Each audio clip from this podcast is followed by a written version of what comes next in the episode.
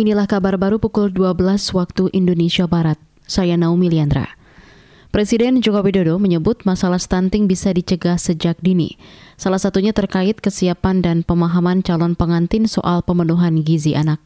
Hal itu disampaikan Jokowi usai meninjau rumah warga di Kabupaten Timur Tengah Selatan, Nusa Tenggara Timur hari ini. Eh, calon pengantin harus disiapkan agar mereka tahu apa yang harus disiapkan sebelum nanti menikah dan sebelum nanti hamil, dan ngerti betul apa yang harus dilakukan. Karena belum tentu semua pengantin itu tahu, meskipun punya apa punya uang banyak, tetapi kalau nggak tahu apa yang harus dilakukan, disiapkan, itu bisa menjadi keliru juga.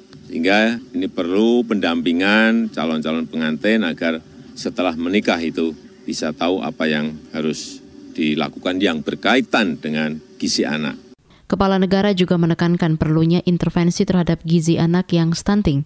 Ia mengingatkan target penurunan stunting harus tercapai di 2024.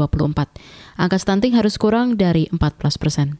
Masih terkait stunting, Data pemerintah terkait jumlah kasus stunting dipertanyakan Ikatan Ahli Kesehatan Masyarakat Indonesia IAKMI. Ketua Umum IAKMI, Ede Surya Darmawan menduga turunnya angka stunting karena pemerintah mengubah cara perhitungannya. Harus bisa mengidentifikasi siapa sih sebenarnya yang kena stunting kan gitu ya. Di mana mereka tinggal gitu. Kemudian dari keluarga yang seperti apa mereka terkena stunting itu. Kemudian apakah strata ekonomi itu sangat berpengaruh gitu, atau eh, status sosial yang berpengaruh semuanya itu harus dihitung dengan sebaik-baiknya.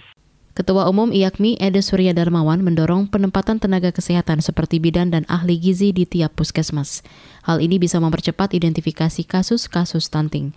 Ede juga menyoroti anggaran untuk sosialisasi kesehatan, perbaikan air bersih hingga kesediaan gizi yang masih kurang. Kita ke berita olahraga.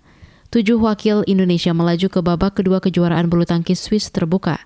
Ganda putra Pramudia Kusuma Wardana Yeremia Erich Yohe Yakob Rambitan akan menantang unggulan ketiga asal India, Rankiredi Chirakseti.